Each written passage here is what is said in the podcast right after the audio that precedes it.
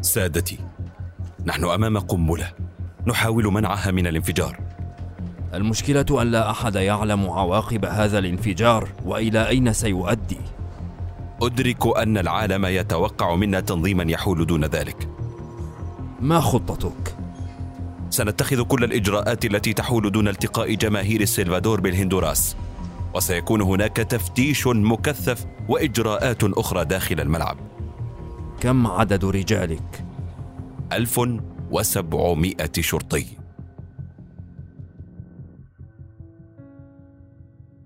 ربما لم تمر بكم هذه الحكاية من قبل. إليكم ما جرى.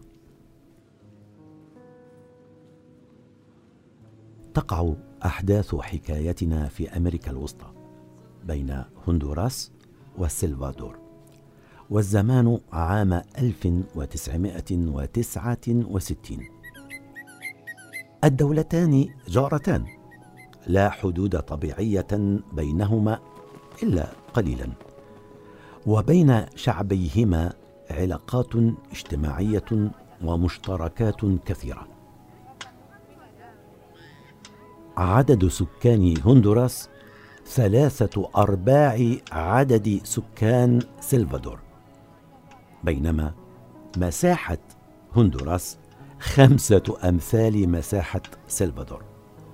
وللمناسبة السلفادور هو الأكثر كثافة سكانية وهو البلد الأصغر في أمريكا الوسطى. حتى هذه المساحة الصغيرة تمتلك أراضيها الزراعية قلة من الإقطاعيين تاركين القليل لبقية الشعب. لذلك يهاجر الناس من سلفادور إلى هندراوس بحثا عن العمل في الزراعة أو بحثا عن فرص عمل في الشركات الأمريكية هناك. ما زلت هنا؟ ألم تقل إنك تود الهجرة إلى الهندوراس؟ كنت أود لكن يبدو أن الأمور هناك لم تعد جيدة. فأعداد مهاجرين خلقت نوعا من الكراهية لكل السلفادوريين معك حق. هناك قرابة 300 ألف سلفادوري يعملون في هندوراس ويسيطرون على 20% من الأراضي. ولذلك رفضت حكومة هندوراس تجديد اتفاقية الهجرة وتهدد الآن بمصادرة حيازات الأراضي. ولذا لم أغادر يا صديقي.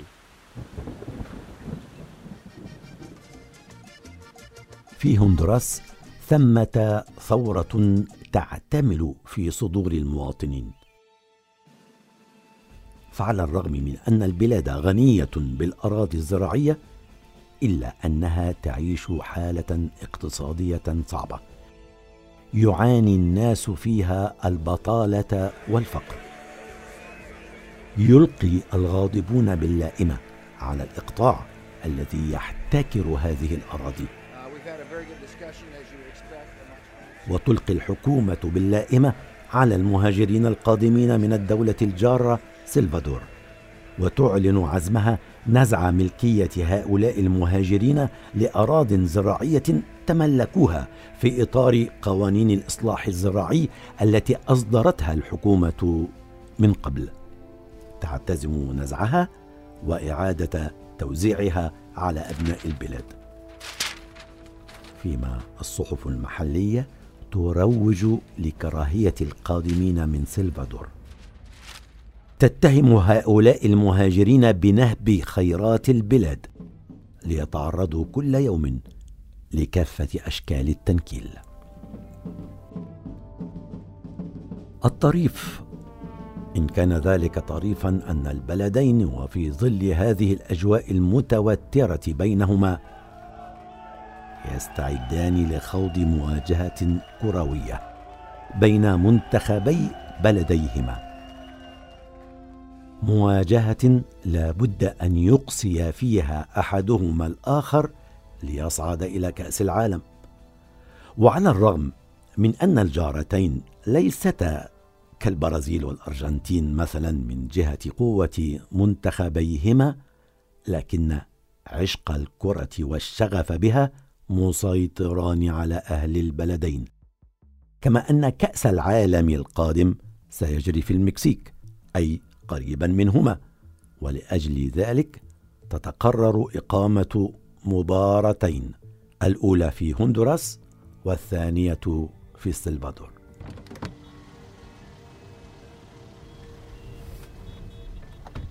يحين موعد المواجهة وفي تيغو سيغالبا عاصمة هندوراس تحط بعثة منتخب سلفادور.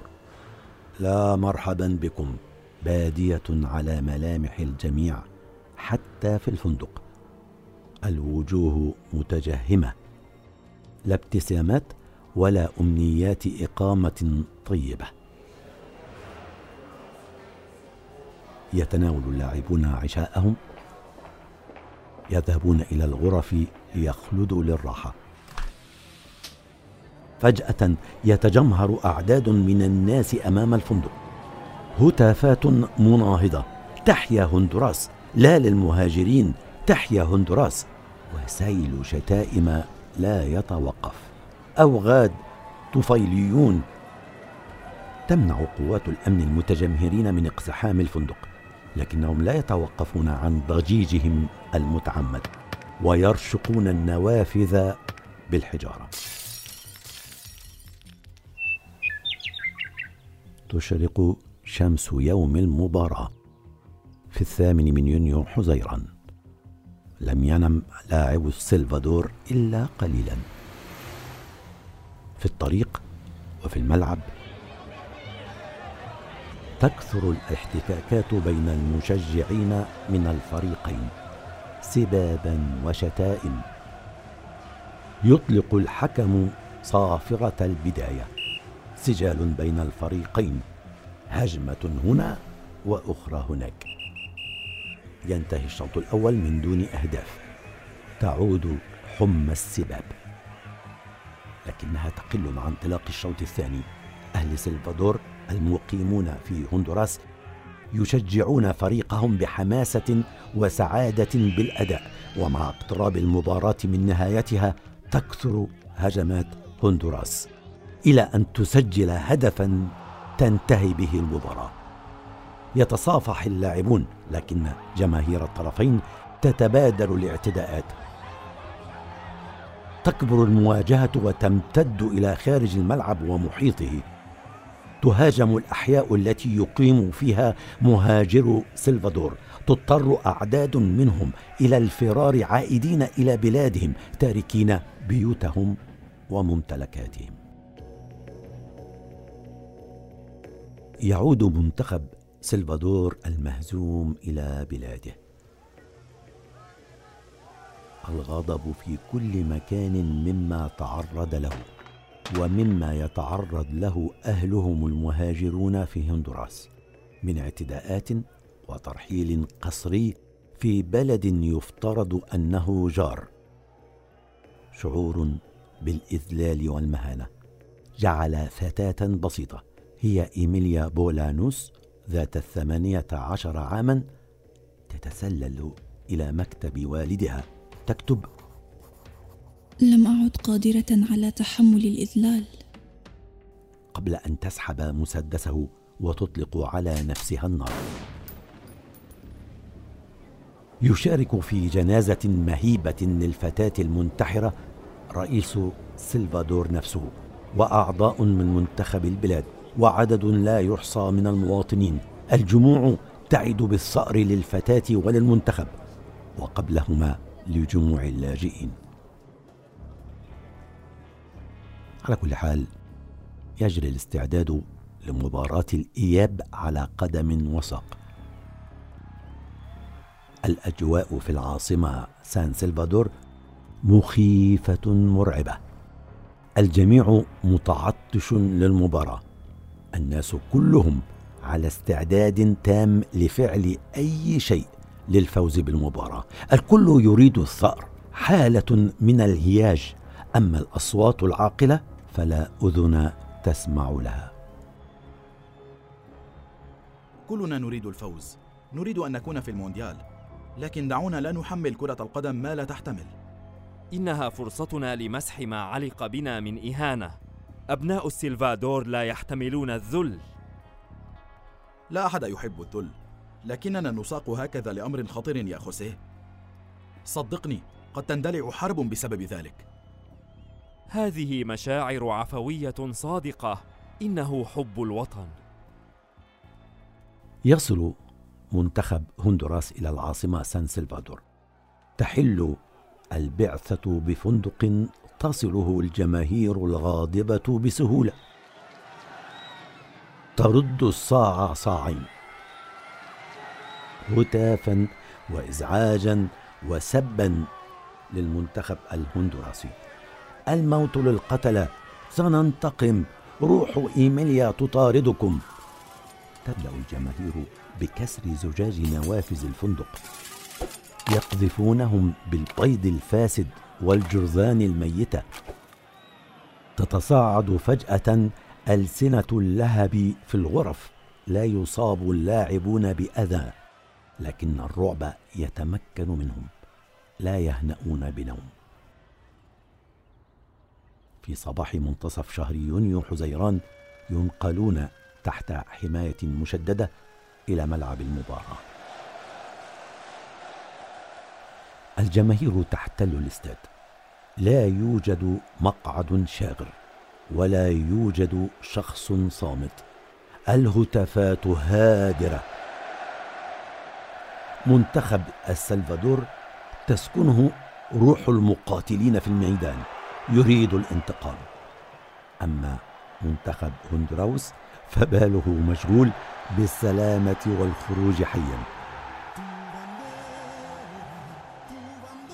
يعزف النشيد الوطني لهندوراس وبدلا من الصمت كما جرت العادة تنطلق صفارات الاستهجان ويتفوه بعضهم ببذاءات ويحرق آخرون علم الفريق الضيف. تبدأ المباراة تستمر ساخنة ينجح منتخب سلفادور في الفوز بثلاثة أهداف من دون مقابل ليتقرر ذهاب الفريقين إلى مباراة فاصلة على أرض محايدة بحسب ما تنص عليه قواعد الفيفا. تعود بعثة منتخب هندوراس من جحيم سلفادور يقول مدربها. لقد كنا محظوظين بشكل كبير أننا خسرنا. هذا لأنه إذا كنا قد فزنا فإنني لم أكن على يقين أننا سنخرج أحياء من الملعب. إن اللاعبين لم يفكروا لوهلة في المباراة. لقد فقدوا عقولهم. جل ما كانوا يفكرون فيه هو أن يبقوا على قيد الحياة. في السلفادور المشهد مرعب.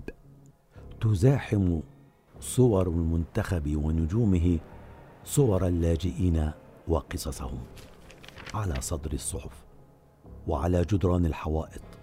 أما في هندوراس تحول بغض السلفادور لشيء أشبه بالواجب الوطني بعد أن أفلحت الآلة الإعلامية في تصوير مهاجريهم سببا للنكسات وبعد ما جرى في السلفادور نفسها والنتيجة موجة من الهجمات على مهاجري السلفادور يقتل العشرات ويفر الآلاف إلى الحدود. حتى الدبلوماسيون في سفارة السلفادور لم ينجوا من الاعتداءات. تتبادل حكومة البلدين التصريحات. كل يلقي اللوم على الآخر. وكل يطالب الآخر باتخاذ إجراءات فورية. مع نبرات تهديد في الخطابين. الصحافة تسكب مزيدا من الزيت على النار. ومع حلول الرابع والعشرين من الشهر ذاته يتفاقم الوضع بإعلان السلفادور التعبئة العامة. الوضع لا يمكن السكوت عليه تكتب الصحف الصادرة في البلاد. وفي ظل هذا الاحتقان يتم تحديد السادس والعشرين من يونيو لإقامة مباراة فاصلة في المكسيك. المكسيك في اختبار حقيقي لاستضافة المونديال، بل ربما لن تكون هناك مباراة في المونديال بمثل هذه الاحتياطات الأمنية. سادتي، نحن أمام قنبلة نحاول منعها من الانفجار. المشكلة أن لا أحد يعلم عواقب هذا الانفجار وإلى أين سيؤدي أدرك أن العالم يتوقع منا تنظيما يحول دون ذلك ما خطتك؟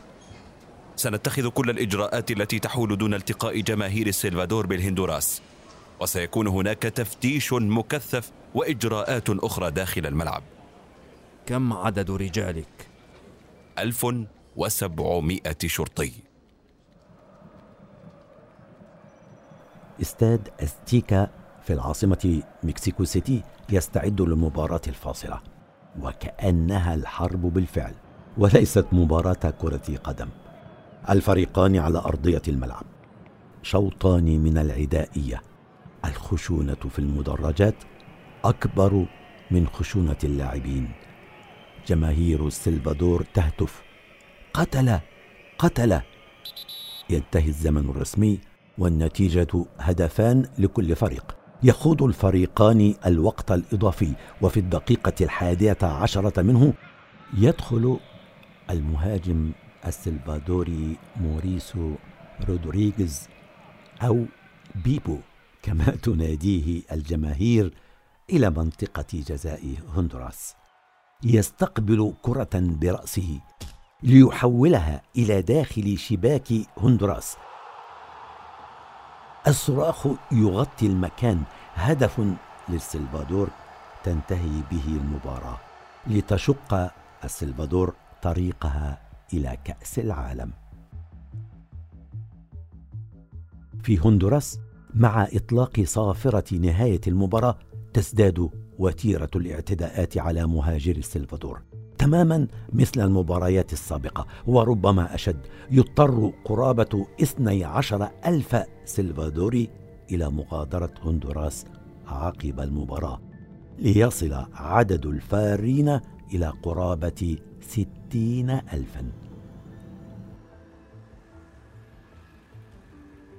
في صباح اليوم التالي في السابع والعشرين من يونيو حزيران تخرج الصحف بعناوين وكأنها تدق طبول الحرب.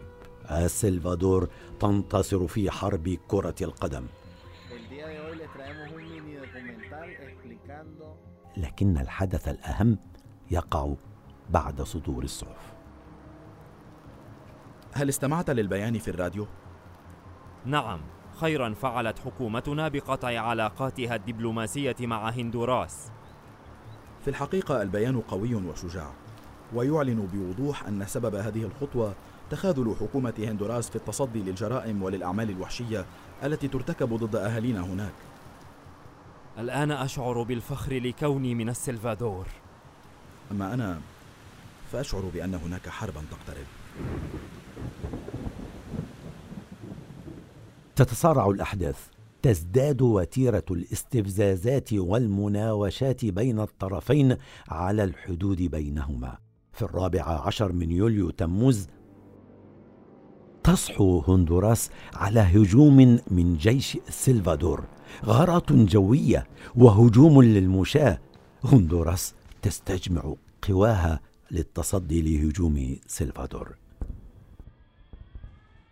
سلاحنا الجوي يمكنه قلب الوضع. ينبغي أن يقصف قواتهم التي اجتازت الحدود حتى لا تتقدم أكثر. سيادة القائد ما دمتم تثقون في قدرتنا في سلاح الجو؟ فلتسمحوا لنا بإبداء رأينا. كأنك لا توافقنا الرأي. إذا وصل مشاتهم التقدم فلن تكون العاصمة بعيدة. لكن هات ما عندك. بدلا من قصف القوات المتقدمة نقصفهم داخل بلادهم لنحدث فجوة فنقطع الإمداد والدعم. وبالفعل في اليوم التالي تشن طائرات هندوراس ضربات موجعة في داخل السلفادور تقطع خطوط الإمداد وفي اليوم ذاته تتحرك منظمة الدول الأمريكية لوقف الحرب تطالب السلفادور بسحب قواتها لكنها ترفض الانسحاب حتى يتم دفع تعويضات لمواطنيها المرحلين قسريا من هندوراس مع ضمانات سلامة المواطنين العالقين فيها. المعارك تدور بعنف والمفاوضات لا تكف. في ليلة الثامن عشر من يوليو تموز يقبل الطرفان بمقترح هدنة. وبعد يومين يدخل اتفاق وقف إطلاق النار حيز التنفيذ. ولكن بعد أن خلفت الحرب قرابة ثلاثة آلاف قتيل وأكثر من خمسة عشر ألف مصاب إضافة إلى آلاف المشردين الذين دمرت منازلهم. حدث ذلك كله في مئة ساعة. لتسمى الحرب حرب المئة ساعة أو حرب كرة القدم. ويقول رودريغيز صاحب هدف الفوز شعرنا أن علينا واجبا وطنيا هو الفوز من أجل السلفادور. كنا نخشى الخسارة بسبب تلك الظروف. كانت الخسارة تعني عارا أبديا. ما لم ندركه أن ذلك الفوز وذلك الهدف سيكونان رمزا للحرب. لاحقا تلعب سلفادور في المونديال وتغادر من دون أن تحرز أي أهداف. إلى هنا تنتهي الحكاية لكن حكايات الحرب لا تنتهي ابدا. أسعد